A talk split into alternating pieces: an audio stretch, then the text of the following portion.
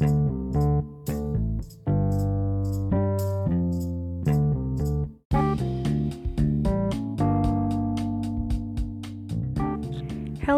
welcome to my podcast. Eh, by the way, lama juga ya gue gak muncul. Yap, ada banyak hal yang mesti gue beresin, menata hidup gitu. Eh, ya kali ini gue mau bahas tentang salah satu bab dari buku Om Piring atau Henry Manampiring yang famous abis itu dan relate banget buat kaum-kaum kayak gue yang sedang berada pada masa transisi. Uh, tebak apa yo judulnya? Yap, Judulnya adalah Filosofi Teras. Uh, Oke, okay, tunggu dulu, jangan dimatiin, dengerin gue dulu. Bukunya sama sekali nggak berat, alias enteng-teng banget. Beda lah pokoknya sama buku-buku filosofi yang biasanya berat gitu ya, bahasanya susah dimengerti. Nah, well, jadi cerita apa sih buku Om Piring ini? Dan apa sih filosofi teras itu? Nah, kepanjangan kalau gue bakal cerita sejarahnya, mending kalian beli aja ya. Ini gue bantuin marketing nih. Uh, Oke, okay, jadi pada nyadar nggak sih kalau di saat-saat tertentu, terutama ketika kita sedang menjalani atau akan menjalani perubahan dari keadaan A ke B, kita suka khawatir gitu. Kayak misalnya gue nih ya, dulu, dulu gue khawatir banget pas mau masuk kuliah gitu.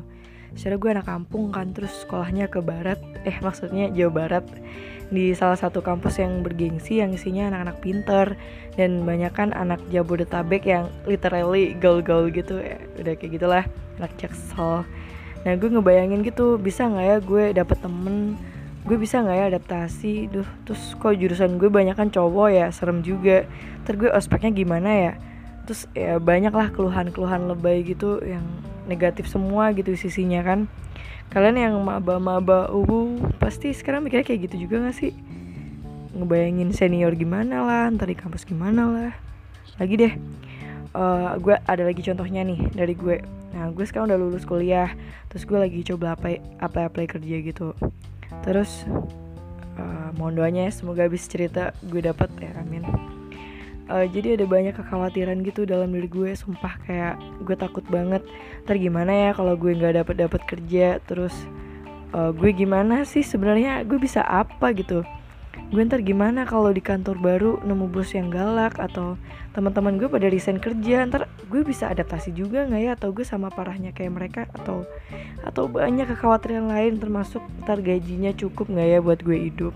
Sampai segitunya gitu Hey manusia job seeker, can you relate with my curcol? Pastilah ya kalian ngerasain hal yang sama.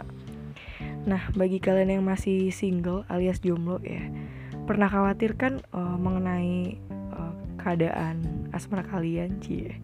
Bocah-bocah yang lagi SMA nih sekarang coba diam dulu ya, dengerin dulu. Kalian belajar dulu yang baik, tunda dulu pacarannya biar nggak diputusin cuman gara-gara mau fokus UN. Sumpah itu receh banget yang buat anak-anak angkatan 95, 96, 97 dan seterusnya. Uh, pasti kan udah mulai khawatir gitu kan pas kondangan belum ada gandengan terus kayak mau wisuda masih ada mayam aja belum ada tanda-tanda gitu kan. Terus oh, udah kerja tapi patengnya nggak ada yang nyantol.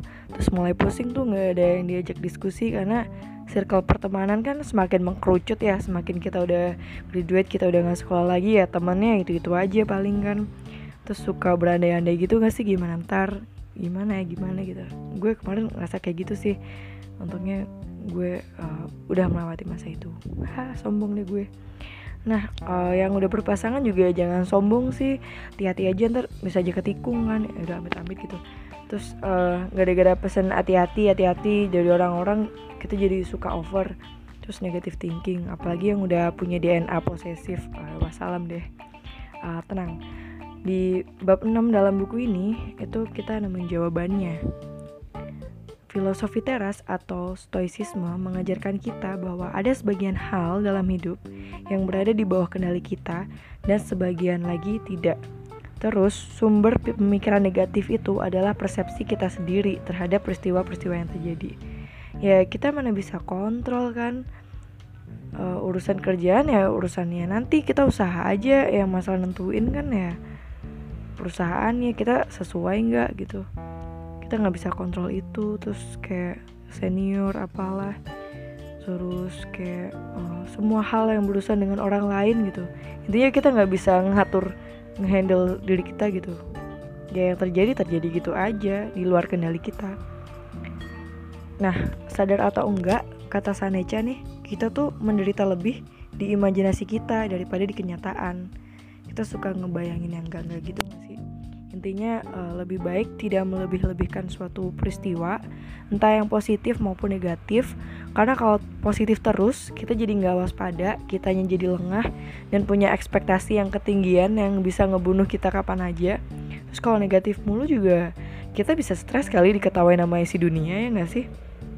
Nah premedito malorum atau premeditate evil atau ajakan untuk berpikir yang negatif-negatif yang mungkin terjadi juga bisa jadi imunisasi loh buat mental kita. Kata buku ini kayak gitu. Loh kok bisa sih? Ya pada akhirnya semua hal buruk yang dibayangin itu kan ada yang gak kejadian tuh terus bikin kita jadi happy. Ironisnya negatif thinking itu mungkin bisa buat kita lebih bahagia. Ya kayak gitu deh. Kata buku ini kayak gitu. Nah buku ini juga ngenalin kita sama prinsip amor fati, yaitu ajakan untuk mencintai nasib yang terjadi saat ini. Orang kita tuh kalau udah pasrah ya suka nggak mau mikir gitu kan sosokan kayak mau bodo amat lah, bodo amat lah gitu. Tapi itu cuma di mulut doang. Nyatanya kalian uh, masih menyiksa diri kalian dengan pikiran-pikiran yang nggak enak-enak itu. Kalau kata buku ini, banyak manusia yang memilih menerima keadaan tapi suka lupa menikmati keadaan itu. So, enjoy your time, seimbang, ya, itu kan gue jadi belepotan. Seimbangkan pikiranmu dan all is well.